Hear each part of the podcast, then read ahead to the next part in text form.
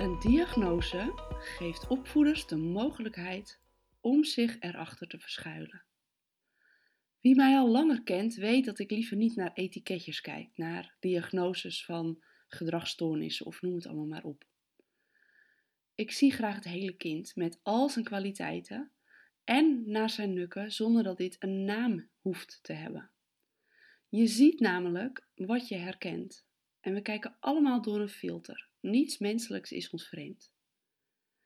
Is een diagnose alleen maar nadelig? Zeker niet. Luister maar naar deze podcast. Welkom in deze podcastaflevering waarin ik inga op mijn stelling: een diagnose geeft opvoeders de mogelijkheid om zich erachter te verschuilen. Je ziet namelijk wat je herkent en wat je aandacht geeft groeit. En omdat je ziet wat je aandacht geeft, lijkt het in elk geval steeds meer aanwezig te zijn. We kijken allemaal door een filter. Dat is een natuurlijk filter waardoor onze hersenen niet alle prikkels binnenkrijgen, niet alle prikkels hoeven te verwerken. Iets waar HSP'ers bijvoorbeeld wel vaak voor opener, wel vaak opener voor staan, maar daardoor overprikkeld raken en ook echt niet alle prikkels bewust waarnemen. Maar denk ook eens aan relatieperikelen. Je ziet elke keer weer die irritante eigenschap van je partner. Of je ziet elke keer wat hij niet doet. Totdat de relatietherapeut je een opdracht geeft om 20 mooie eigenschappen van je partner op papier te zetten. Wedden dat jouw aandacht valt op die mooie eigenschap van jouw partner. Je ziet datgene waar je focus op ligt. En dat gebeurt meestal onbewust.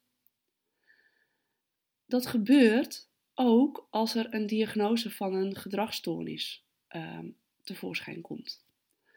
Denk aan ADHD, autisme, nou ik hoef je het hele rijtje hier niet op te noemen. Maar wat er gebeurt is dat opvoeders zich gaan verdiepen, erover gaan lezen en dat is dan dus wat zij kennen. Dat is waar de focus op ligt of op komt te liggen. En een diagnose is natuurlijk niet alleen maar nadelig. Het geeft inzichten en waardevolle handvatten waar opvoeders en eh, misschien ook docenten eerder uh, met hun handen in het haar zaten, het kind niet begrepen en niet meer wisten hoe zij dit kind liefdevol konden begeleiden. Maar in een diagnose schuilt ook het gevaar om met oogkleppen op naar een kind te gaan kijken. Met dat filter op naar het gedrag van dit kind te gaan kijken en steeds te zien wat ze herkennen. Ook in een oordeel of in een vooroordeel werkt dit zo. Zo was een docent op de middelbare school zo vrij om onze pleegzoon te diagnosticeren op zijn manier en hem ernaar te behandelen in de klas en in het beoordelen van de toetsen. Of een basisschooljuf die op basis van haar oordeel, haar waarheid, een jongetje in de klas links liet liggen, want er was volgens haar toch geen eer meer aan te behalen. Het gebeurt en het gebeurt te vaak. Die oogkleppen, die onbewuste focus, die hebben we allemaal. Des te belangrijker om elke keer weer heel bewust uit te zoomen om het hele kind te blijven zien. En ons aandeel, of het aandeel van de opvoeders in dit geheel, daarop te mogen spiegelen. Jouw pleegouders liefdevol bewust te maken van wat jij als expert ziet gebeuren. Ik ga nu een stukje uit mijn boek voorlezen, mijn boek Lieve Moeder. Een boek voor de bewuste pleegmoeder en dat kan net zo goed de bewuste pleegvader zijn, um, vertelde een lieve pleegvader mij na het schrijven van mijn boek. Um, het is een boek voor de bewuste ouder die in de spiegel durft te kijken. En ik beschrijf mijn visie op diagnoses of op etiketjes in het hoofdstuk Probleemgedrag of kwaliteit. Ieder kind, ieder mens is uniek en o zo bijzonder. Niet alle kinderen passen in de hokjesmaatschappij of functioneren in ons huidige onderwijssysteem. Het unieke individu lijkt over het hoofd te worden gezien. Als moeder voel je dat jouw kind zoveel mooier is dan dat het gezien wordt. Steeds vaker zijn er kinderen met een stempeltje. ADHD, ADD, autisme, hooggevoelig of hoogbegaafd, alsof het kind anders is. Maar eigenlijk is het net zo uniek als alle andere kinderen. Als moeder zie je dat. Hoe frustrerend is het als de maatschappij je kind in een hokje probeert te plaatsen? Wordt de ware ik van het kind niet tekort gedaan door het te bestempelen? Heeft het kind zelf daadwerkelijk een probleem of beperking om wie hij werkelijk is? Of is het vooral de omgeving die niet weet hoe om te gaan met de kwaliteiten van dit kind? Deze kinderen denken anders, voelen anders, zien anders en doen anders. Maar is dat een probleem? Vaak wordt het door de maatschappij en het onderwijssysteem als probleem gezien, terwijl dat de verkeerde ingang is. Want het kind voelt zich minder en minder begrepen. Het kind voelt zich niet goed genoeg zoals het is. Vaak moet het kind zich aanpassen aan de verwachtingen die worden gesteld door de omgeving, school en leeftijdsgenootjes, waardoor het kind emotioneel of fysieke klachten kan gaan ontwikkelen en niet lekker in zijn vel zit. Aanpassingen aan aanpassen aan de verwachtingen verwijdert een kind steeds verder van wat zijn hart, wat zijn hart hem ingeeft. Therapie, begeleiding, medicatie, regulier is alles erop gericht om het probleem op te lossen. Uiteraard gebeurt dit met de beste bedoelingen voor het kind en ik wil dit ook niet bestempelen als goed of fout. Maar jij weet vast dat hetgeen als probleemgedrag wordt bestempeld, met de juiste manier van omgang helemaal geen probleem is, maar juist een kwaliteit. Deze kwaliteiten gaan veel verder dan braaf luisteren. Het gaat over kwaliteiten als intens waarnemen, sneller ontwikkelen, sneller denken en doen, goed kunnen leren en juist daardoor afdwalen door het gebrek aan uitdaging. Het kind heeft geen aansluiting op het reguliere onderwijssysteem. Daardoor kan een kind zichzelf dom voelen en een negatief zelfbeeld ontwikkelen. Onterecht. Elk kind heeft kwaliteiten en die laten zich niet meten in rapportcijfers. ADHD, ADD, autisme, nieuwe tijdskind, hooggevoelig of hoogbegaafd? Laten we het loskoppelen van etiketjes en kijken wat past bij het individuele kind. Waar loopt het kind tegenaan en hoe kunnen we het daar, daarbij zo goed mogelijk helpen?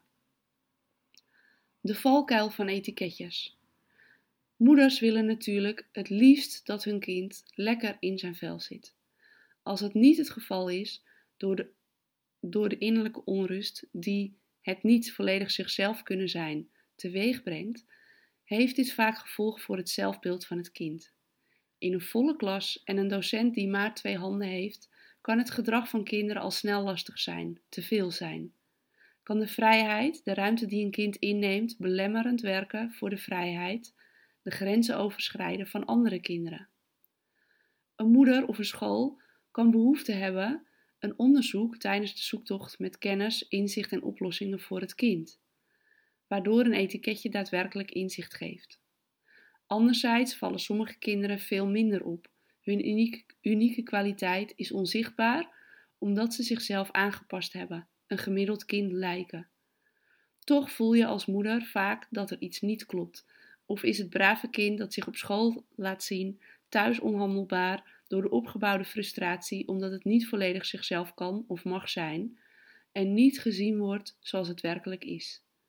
Helemaal in zelf zijn wordt veel kinderen onbewust afgeleerd. Zoals in hoofdstuk 2 al is beschreven, is het aanleren van gewenst gedrag een verwijdering van wat je hart ingeeft. Een verwijdering van wie je werkelijk bent en wat je werkelijk wilt. De valkuil als een etiketje eenmaal geplakt is, als eenmaal een beeld is gevormd van het gedrag van een kind, is dat je gedragingen gaat herkennen en situaties terughaalt. Vanaf dit punt ga je gedrag ook herkennen waarmee het gevormde beeld bevestigd wordt. Door de kennis van het etiketje leg je onbewust de focus op het zien van dit gedrag. Een andere valkuil is dat we het gedrag als een op zichzelf staand gegeven zien en de verbanden met wat voorgeleefd of gespiegeld wordt uit het oog verliezen. De focus zorgt voor oogkleppen voor wat er nog meer een rol speelt en welke mooie eigenschappen een kind nog meer in zich heeft. Is jouw waarheid de enige waarheid? Je kunt gedrag of een willekeurige gebeurtenis vanuit verschillende kanten bekijken. De manier waarop, het ene persoon, waarop de ene persoon ernaar kijkt, wat diegene daarbij denkt en voelt, kan in groot contrast zijn met een ander persoon die hetzelfde bekijkt vanuit zijn visie, gedachten en gevoelens. Die verschillende manieren van kijken naar hetzelfde komt door ervaringen. De gedachten die je daarbij ervaarde en de gevoelens die je daarbij voelde. Vanuit die gedachten en emoties ontstaat een vicieuze cirkel van waaruit je reageert en jouw waarheid creëert. Die waarheid, die gebeurtenis die vaak terugkomt, bevestigt je gedachten, voedt je emoties en opnieuw draait de cirkel van waaruit eenzelfde soort actie volgt.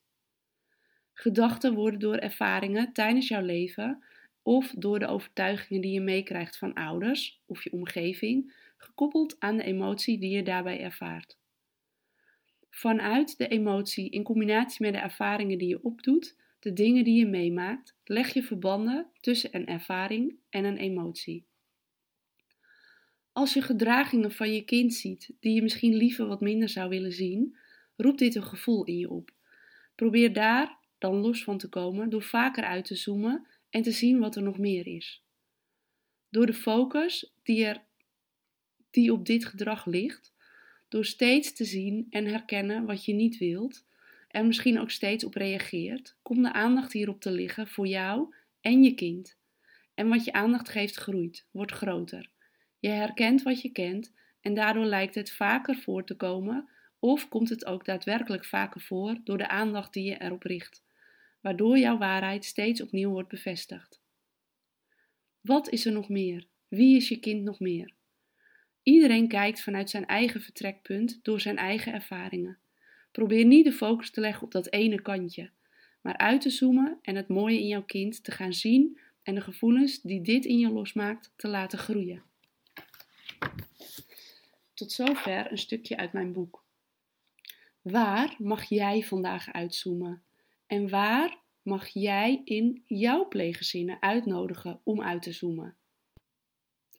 Is dit interessant voor je? En zijn de onderwerpen die ik met je deel over bijvoorbeeld het stressvrij werken interessant voor je? In het succestraject train ik jou en je collega's in integraal kijken naar het kind, uitzoomen en vanuit verschillende invalshoeken door door jou ingebrachte casus te benaderen.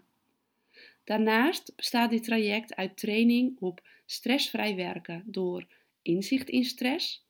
Wat doet stress in jouw lichaam? Handvatten hoe je jouw werk kunt inrichten door niet vanuit een to-do-lijstje te werken, maar vanuit jouw missie. Dus jouw missie helder krijgen en daar de focus op leggen. En vanuit daar keuzes maken wat vandaag prioriteit krijgt om vandaag het verschil te maken binnen pleegzorg. Want ik ga je niet helpen je to-do-lijstjes in te korten. Nee, ik ga je helpen om binnen de gestelde kaders door overheidsmaatregelen en beperkende financiën leren wat wel mogelijk is om stressvrij en succesvollere zorg te bieden. En dus vervullendere zorg te bieden. Niet uitgeblust thuiskomen naar je werk, maar voldaan. Niet werken in je vrije tijd, maar begrenzen van jouw agenda waarin werk en ontspanning in balans is. Begrenzen van jouw agenda om te zorgen dat jij datgene prioriteit geeft waar jij het verschil mee kunt maken, waar jij succesvol mee bent en waardoor het voldoening geeft in plaats van stress. Wil je meer weten? Neem dan contact met me op en we praten verder. Stuur me een berichtje op LinkedIn of stuur me een e-mail. De links vind je hieronder in de show notes. Ik hoop je snel te ontmoeten. Tot snel. Doei doei.